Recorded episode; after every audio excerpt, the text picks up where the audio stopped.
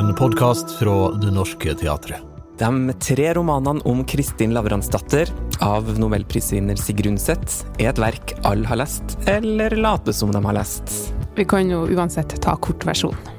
Vi er på første del av 1300-tallet. Vi følger livet til Kristin, dattera til storbonden Lavrans fra hun er ung jente til middelaldrende enke. På veien får vi den store kjærligheten, Lidenskap, svik, sorg, død tru. og tvil. Alt livet har å by på. Når Det Norske Teatret setter opp Kristin Lavransdatter i Kjersti Horn sin regi i september, skal alt det her inn i ei åtte timer lang framsyning. Og hun som skal spille Kristin, hun er dagens gjest i Språkoppdraget. Du lytter til Språkoppdraget. En podkast fra Det Norske Teatret.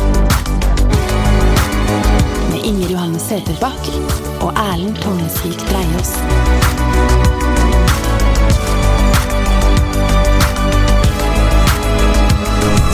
Hjertelig velkommen til Språkoppdraget, skuespiller Sara Korami.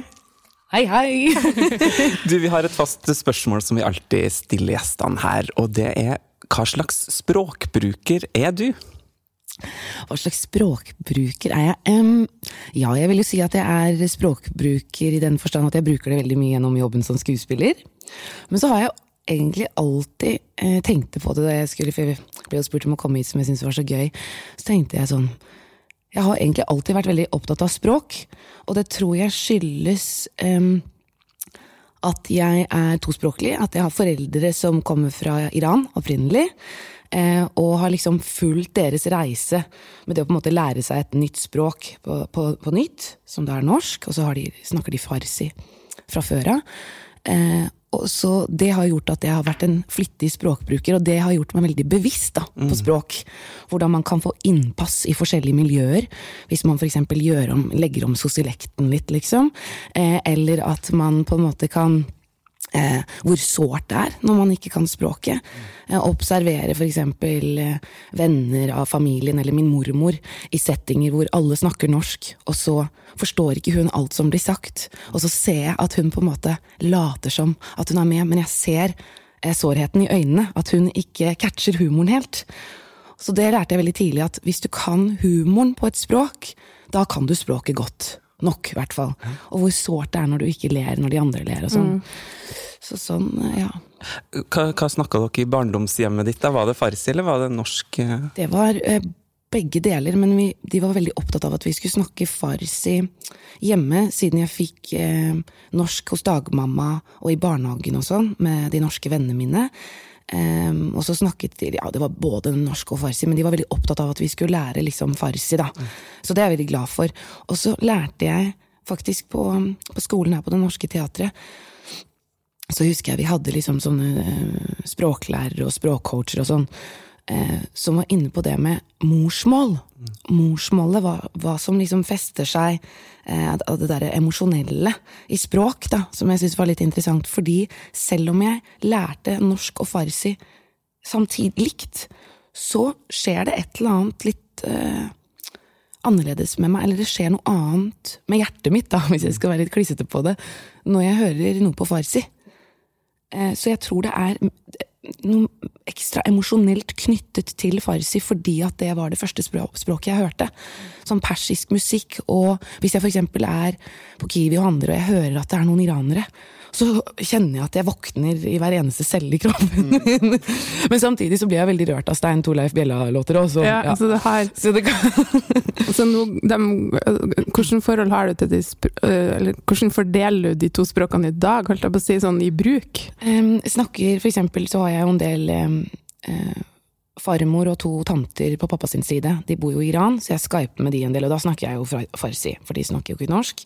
Og så snakker jeg en god del eh, persisk eller farsi med mamma og pappa, men jeg hører det både på meg og lillesøsteren min at vi blander det inn litt.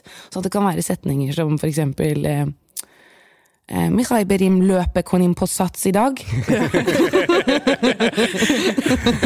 Så det blir en sånn god miks iblant. Og hvis, er, hvis ordforrådet ikke eh, strekker til, så blander jeg litt, da. Ja. Ja. Men det er kanskje en konsekvens av at du har utvikla deg, og at, og at du har lært farsi på et, et tidspunkt i livet, og så du kanskje ikke på en måte eh, fulgte på nært hold, eller hva skal jeg si? Ja, Ikke sant? Sånn, hvis, jeg, hvis vi ser på persiske nyheter, eller det er no, en nyhetsreporter på, som snakker farsi, da, så kjenner jeg at jeg å, kan slite litt. Da kan det være litt vanskelig å få med seg alle ordene, ja. Mm. Og så husker jeg, for vi bodde jo Vi kom jo fra født og oppvokst i Bærum. Eh, og der også husker jeg at det var liksom Da jeg var med liksom, vennene mine fra Bærum, da kommer den plutselig litt mer sånn den sosiolekten, ikke sant. Snakke litt penere. Og, men så begynte jeg å jobbe på Det Norske Teatret, og da ble l-ene mine Da synes jeg det mye, høres mye kulere ut å være litt sånn At jeg sier klokka Ja. på nynorsk, ikke sant. Eh, da, da, så da begynte jeg å liksom snakke breiere. Det passet her. Og så hadde jeg en periode hvor vi liksom jeg var 15 år og ble kjent med en gruppe mennesker fra Oslo øst. Og da husker jeg at jeg begynte å gjøre meg til liksom, hadde en annen type sosiolekt for å få mer innpass der. Og så hadde vi en nabo som kom fra Afghanistan, og de snakker jo farsi, men det er jo en annen, de har en annen dialekt, ikke sant? Det kan sammenlignes med dansk og norsk. Og da begynte jeg veldig tidlig å etterligne de, for da var jeg liksom en av gjengen hvis jeg snakket som dem. Mm.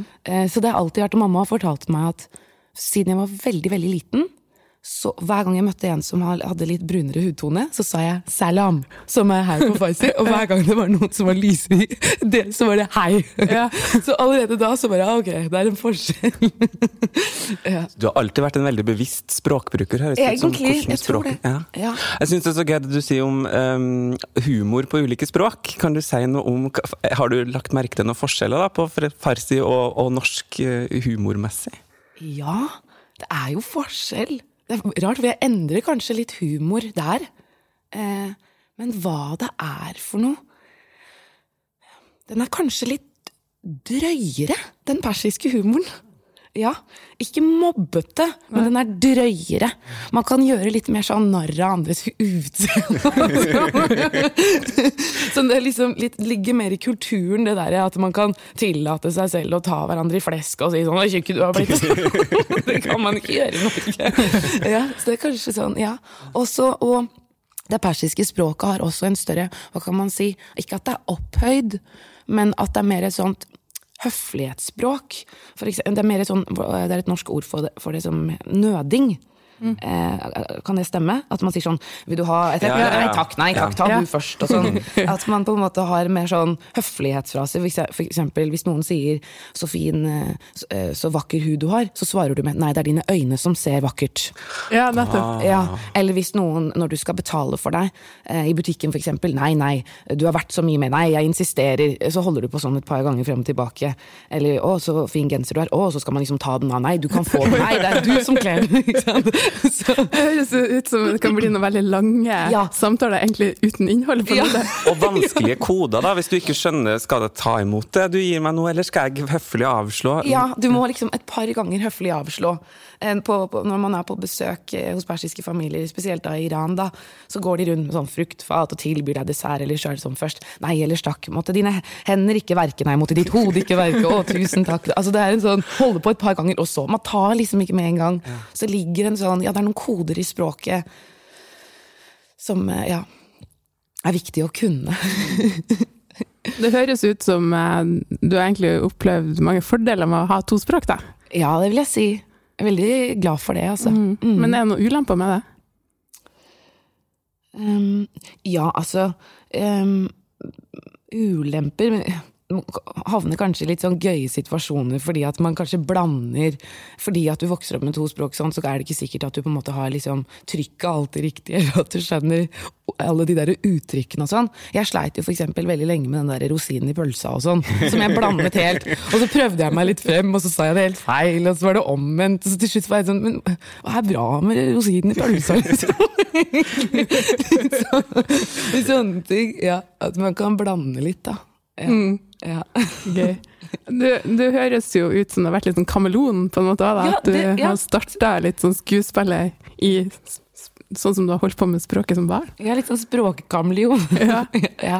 Uh, og så, Jeg har hørt, det- hørt deg fortelle om det før, at du på en måte starta skuespillerkarrieren litt med, med å være en slags språkarbeider. Ja. Det må du fortelle om. Ja, min mormor, um, som da ikke mestret eh, norsk så veldig godt, og heller ikke engelsk. eh, Snakker farsi flytende. Hun elsker da, og elsket, eh, såpeopera i gode dager, og glamour spesielt. Og da jeg eh, tilbrakte jo veldig mye av min barndom hos henne, da. Og elsket å være sammen med henne, gjør fortsatt en dag i dag. Og da kunne jeg være hjemme hos henne, og så begynte jeg sakte, men sikkert å dubbe, da, for hun forsto ikke helt hva de sa. Hun klarte ikke å liksom eh, Forsto ikke nok norsk til at hun kunne skjønne det, eh, tekstingen. Så da fikk hun eh, meg til å dubbe for henne. Så først så begynte jeg litt sånn rolig, og så begynte jeg å kjede meg litt, så da begynte jeg å liksom putte litt mer innlevelse i det. Eh, Og så ble hun så gira av det, jeg syntes det var så gøy, at hun da eh, tilbød meg da Hvis jeg gikk all in med full innlevelse og gråt når de gråt og sånn, med temperament og alt mulig, så fikk jeg da eh, O'boy, pommes frites og knust Paracet. Så jeg dubba for harde livet. John! John Bergerd! Vi har injabba vinam. Nei, nemi ham, nemi ham, Det er Bergerd! Vet ikke om Bergerd. Hvor gammel var du da? Ja, Det var fra jeg kunne lese, liksom. Veldig tidlig, altså. Ja. Så jeg holdt på sånn i mange år. Til slutt så fant mamma ut av Paraceten, og da stoppa hun. Men det var kanskje en slags vei inn det da, til, til skuespilleryrket? Ja, man kan Altså, si det. Når du skjønte at det var det du skulle drive med? Du, det tok egentlig ganske mange år. Jeg gikk jo psykologi, og så prøvde jeg meg på juss, og så hørte jeg om denne NIS, da, denne skolen som min venn Jade gikk på. Og så prøvde jeg ett år der, så jeg tror det var sent oppi ja, 23 år. Og så etter det så hørte jeg om det multinorske. Ja. Ja, det er en skuespillerutdanning som har vært her på, På Det Norske på Det Norske Teatret. Ja. Og da kom du jo inn her, og da fikk du et nytt språk. Ja, det fikk jeg, ikke sant? Hvem skulle tro at jeg skulle jobbe eh, med nynorsk? ja. Hvordan var det å skulle begynne å spille teater på nynorsk? Eh, Først så var det litt eh, uvant og utfordrende, men så blir det jo på en måte som et nytt språk, da. Så alt kan jo læres. Det er rart med det. Men hvis man gjør en ting lenge nok, så plutselig så sitter det jo en dag. Nå syns jeg det er veldig spennende. Og sånn det vi holder på med nå med Kristin Lavransdatter, syns jeg f.eks. kler det veldig godt. Fordi at det har et sånt språk, det har et sånt opphøyd språk i seg. Sånn, det kler det veldig godt, da. Ja. Ja, Du nevnte jo noe. du er altså, aktuell til høsten med din altså, mest omfattende, må man i hvert fall kunne si, eh, rolle. Eh, Kristin Lavransdatter, Ja. som skal bli en sånn maratonforestilling. Alle tre romanverkene i én forestilling, som også skal spilles separat, men på det lengste det er rundt åtte timer teater. Ja. Hvordan, hvor er dere i prosessen nå? Eller hvor du er? Eh, akkurat nå har jeg Nå jobber vi med den eh, med kransen. Den, det er den vi har vært. Vi har vært allerede har vi vært på gulvet med den, da. Eh, Kjersti Horn er jo helt rå sånn, så etter liksom andre-tredje dagen så var det sånn Ja, vi bare tar en gjennomgang med, med det vi har. Eh, men, eh, men nå driver jeg egentlig Jeg har brukt hele påsken, og jeg, nå driver, holder jeg bare på med pugging. Ja. Ja, hver eneste dag. Kan ikke legge det vekk eh, en, en dag. Hvordan foregår pugging når du skal lære deg så mye tekst? Eh, ja, jeg sitter jo med Vet du hva, da jeg først startet, så sovnet jeg Eller sånn at jeg ble sånn trøtt, husker dere da vi var yngre og liksom måtte gjøre lekser? Og så kom det sånn akutt trøtthet. Sånn, fordi det var så voldsomt. Men så, så bestemte jeg meg for å ikke tenke på sluttresultatet. Ikke liksom tenke på mengde, men at det var sånn Nå skal du bare lære deg disse tre setningene i dag. Bare de tre setningene. Og så plutselig så åpnet det seg litt eh, opp. Men jeg sitter og nipugger. Jeg kan jeg sitter, plutselig så har det gått en time, og så har jeg liksom bare vært på den ene setningen. Og så noen partier setter setter det seg mye lettere plutselig. Og så er det andre partier hvor det bare jeg har brukt liksom en uke på fire setninger. liksom. Veldig spesielt. Hva er det som gjør at noe går så lett, og noe ikke gjør det? Ja, godt spørsmål. Um, det er kanskje språket har en større musikalitet, eller faktisk de partiene som er vanskeligere, de sitter bedre enn de som minner om vårt språk.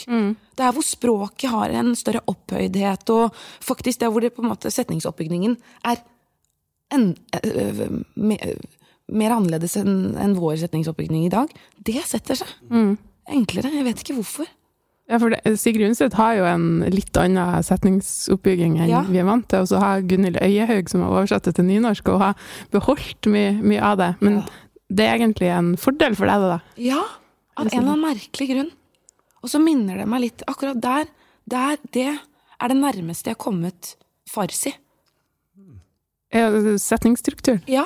Ja. Setningsstrukturen og den, um, høflighet, den høfligheten den formaliteten i språket. Ja, interessant. Ja. Ja. Kanskje de har en fordel der, da. ja. Og, og persere sier jo heller ikke sånn du og sånn. De sier shoma, som er de. Så det er mye sånn de her. Ja. Det er interessant. Veldig interessant. Ja. Det er jo helt fantastisk skrevet, da. Ja. Men det er jo litt av en reise du skal gjennom på de Ja. åtte timene, eller hva Kristin skal gjennom. Ja, men det er så drøyt at jeg slapper av. Når det blir så voldsomt, så kjenner jeg sånn Og så har vi jo helt fantastiske skuespillere med. Det er Kjersti Horn, det er Sven på scenografi. Så jeg blir sånn Men dette er jo Dette er jo ensemble, og dette er jo mange som skal være med på dette. så, men så er det så gøy, fordi at det er en sånn forteller Vi er liksom en fortellerstemme. Vi forteller, og så spiller vi ut. Så jeg har aldri vært med på noe sånt før. Kommer sikkert aldri til å gjøre det igjen. Så det er veldig spennende. Ja. Du, Kristin Lavransdatter er jo en figur, litterær figur, veldig mange har et sterkt, sterkt forhold til. Har du- Angst, angst. Ja. har, du, har noen allerede begynt å snakke til deg om ja, hvem er hun egentlig, hun er Kristin? Har du liksom fått tips og råd og meninger og holdninger rundt henne? Ja, vi hadde Torvald Steen som var innom og snakket. Det var kjempespennende. Og så er det jo klart det er veldig interessant å høre de kollegaene, eh, kollegaene mine som eh, på en måte interesserer seg veldig for det, og Kjersti Horn og Men det, har- det er jo veldig sånn, det ligger jo veldig der. Sigrid Undset forteller deg jo ve veldig sånn hvem hun er, egentlig. Det er litt sånn som Shakespeare, at du får det veldig sånn gratis hvis du bare leser teksten. Ja. Hva syns du om henne. Om Kristin? Jeg syns hun er helt fantastisk. Jeg. Ja. Jeg syns det er kjempespennende å følge et liv sånn.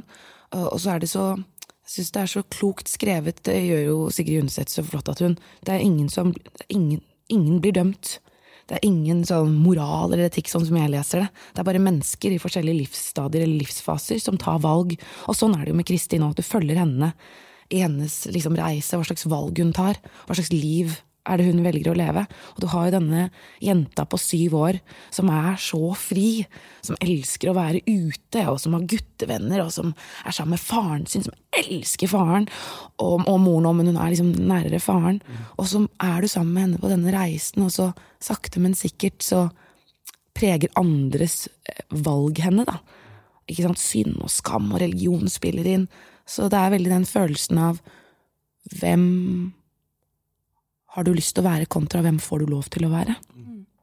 Så Det er både veldig vakkert og veldig trist. ja. Men hun er jo en veldig sånn fri person, da.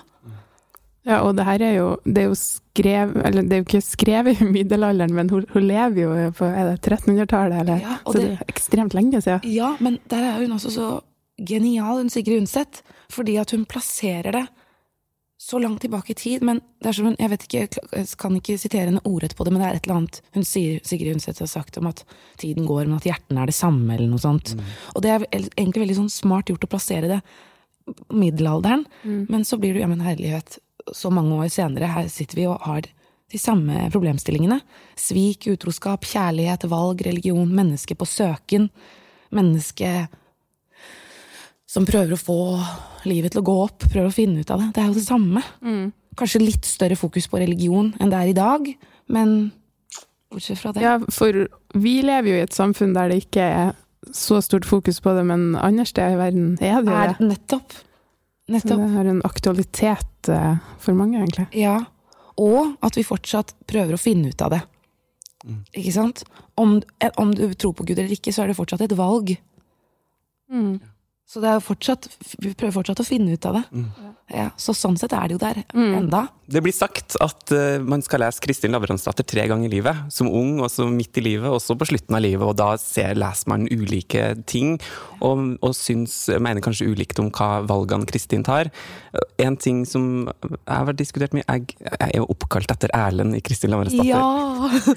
Og forholdet mellom Kristin og Erlend eh, er et mange mener mye om. Velger velger riktig når hun velger Erlend, eller er han bare dårlig for henne? Hvor er du hen akkurat nå i prosessen din med Kristin og Erlend? Det er et veldig interessant eh, spørsmål. Fordi jeg sa faktisk til Preben Hodland nå i går senest, som han spiller jo Erlend. Og jeg tror at ut ifra den personen du selv er, ut ifra de valgene du selv har tatt, så tror jeg du? Hvis jeg hadde vært en veldig religiøs person, så hadde jeg tatt det. Hun har liksom skrevet noe som alle kan ta et standpunkt i, hvis du skjønner. Og jeg kjenner meg jo veldig igjen i Kristin. På den måten at det, ingen valg er feil, det er et valg. Og at man ikke skal på en måte skamme seg for det valget. Du er på en måte alltid i prosess. Og jeg syns jo hun Det er ikke noe enten-eller. Ikke sant? Hun møter denne personen som hun opplever så stor kjærlighet og begjær med, men da kan det være noe annet som skurrer. Ikke sant? Sånn er det jo. Og noen som ikke har så mye begjær, som for eksempel foreldrene hennes, da, og lidenskap, men de, det viser seg at de har noe annet.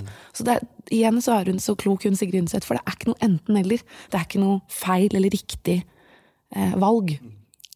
Det er, det er mer sammensatt enn som så, da. Men det er klart hun får jo kjørt seg. Og det gjør jo du òg når du skal eh, spille denne rollen, vil jeg tro. Da hadde du kanskje ikke begynt å kjenne på helt ennå, du har vel holdt på en måneds tid. Vet du hva? Igjen så er, det så gøy å jobbe med Kjersti. Jeg har hatt lyst til å jobbe med Kjersti Horn ja, i mange, mange år. Og hun har jo da med seg Mats Sjøgaard Pettersen, som er da på foto, så vi blir jo filmet. Og etter dag liksom tre ute på gulvet, så er jo vi i gang. Så du får liksom en feeling av hva det kan bli. Selv om man vet jo aldri med sluttresultatet. Men han i hvert fall filmer oss mens vi holder på. Så det, er, det blir noe ulikt. uh, ulikt alt annet jeg har gjort hittil. Det er teater og film. Ja, Kombinert. Det beste jeg vet. Ja, ja. Ja. Ja, for der har du jo etter hvert òg fått eh, Du har fått flere bein å stå på som skuespiller. Du har jo gjort det bra på film. Si Og TV. Og TV. Og TV. Du har liksom vært overalt. Og mange kjenner deg jo da fra de rollene du har gjort f.eks. full dekning, går på kino nå fortsatt, gjør den ikke det? Og eh, Ingenting å le av. Eh, TV-serier som Made in Oslo, eh, Postmortem, Ingen dør på Skarnes, og Heksejakt, som du også vant eh, Gullruten for. Em, lurt på, Er det noe forskjell å være skuespiller når du spiller altså, film- eller TV-roller, og det å være teaterskuespiller? Ja. Um, det er jo Jeg husker nå da vi prøvde nå på Kristin Lavransdatter, så drev vi og snakket om Da nevnte Ane det der med at eh, fordi vi blir filmet, eh, hvordan man plutselig kan oppleve at man kanskje liksom å, Ikke blir lat med kroppen sin, men at man fordi tea på teatret så er det jo kropp i rom, mens veldig ofte på film så er det jo mer sånn at vi bare kan liksom stå i ro og snakke sammen. Så, og at man er sin egen klipper på teater. Ikke sant? Mens på film så gjør du noe, og så plutselig så kan det jo se helt annerledes ut. Du gir fra deg eh, kontrollen i mye større grad. At i klippen det ferdige resultatet kan bli noe helt annet enn det du hadde trodd. Så overrasket kan du ikke bli på teatret. Der har du større kontroll. Og så kan du Og så er det jo gjør det jo mange ganger. På film så er det jo tre tagninger av en scene, så er du som regel ferdig med det. For alltid. Ja. Så det er stor forskjell. Men kan det oppstå en forvirring når de to formene blandes, sånn som Ja. på Kristin? Ja, for det, eh, der var det jo Ane som så klokt liksom påpekte Torp. Dahl Torp. Mm. Som så klokt påpekte at man med en gang du har liksom kamera eh, som filmer deg på en scene, så kan det jo oppleves at man på en måte blir litt blokka. Man skal jo sende ut en energi ut til publikum. Eh, det syns jeg var så interessant å høre henne snakke om, mens at man kan bli litt lat med kroppen sin. Så at vi må huske på at vi fortsatt står på en scene, og den kombinasjonen blir veldig gøy å forske i. da. Ikke liksom fortsette, fortsette å være kropp i rom selv om man har et kamera. Så det, ja, Og i TV og film så jobber man vel da med kronologi på en annen måte? ja, der kan du starte med slutten. Eh, og så, ja, så, så det er jo veldig ofte kan være litt forvirrende. At du må holde tunga rett i munnen. Eh, og huske på buen din. Fordi at det er mye frem og tilbake. Første gangen jeg eh, jobbet kronologisk på film, det var full dekning. Vi jobbet helt i kronologisk rekkefølge rundt dette middagsbordet. Hver eneste dag i tre uker. Det er det nærmeste jeg har kommet eh, teater på film. Mm. Du, du var jo litt innom det når du snakka om eh, språket til Sigrid Undset, at det var behagelig med den avstanden, på en måte. Ja. At det var litt opphøyd. Men på film så jobber man jo også med språket på en annen måte Ja. enn på teater. Kan du si litt om forskjellene? Ja, det kommer jo an på hva eh, Veldig ofte så er det jo en veldig sånn naturlig at eh, de, I hvert fall de prosjektene jeg har vært med på, eh, har jo vært veldig sånn eh, Ikke sånn sjangerfilm, ikke sant? At det er sånn som du og jeg, vi sitter og prater nå. Um, så det skal være naturlighet til det, men, men fortsatt holde det levende. Men eh, det som har vært litt sånn interessant, er jo at du trenger jo ikke pugge så mye tekst. Altså Du må kunne teksten i noen situasjon og sånn, men det er jo ikke Folk blir veldig ofte imponert av sånn 'Å, den filmen er en one take'. Én time liksom i strekk. Ja, det- ø, fotomessig utfordrende, men som skuespiller så har vi jo one takes på teaterscenen hele tiden. Så jeg mener, hvis folk går og ser Raskolnikov eh, med den gjengen som fire og en halv time, er det one take. Og veldig ofte som på Johannes Holmendal, eh, i eh, Johannes sin regi, så står jo skuespillere opptil to-tre timer på den scenen i one take. Sånn at det, det å huske all den teksten syns jeg er mer utfordrende da på teater. Eh, ja, å holde det gående for. Man har jo pause mellom tagningene på film. Du kan stoppe opp og, og samle deg litt sammen. Og, og, og må jeg huske, nå må jeg komme i noe greier her. Eh, det var ikke, Prøv en gang til. Det kan du ikke gjøre på scenen. Der må du være på. Og har du det ikke den kvelden, så har du det ikke den kvelden. Nei, altså, og samtidig er vi jo her mer regelbundet til teksten nå, da.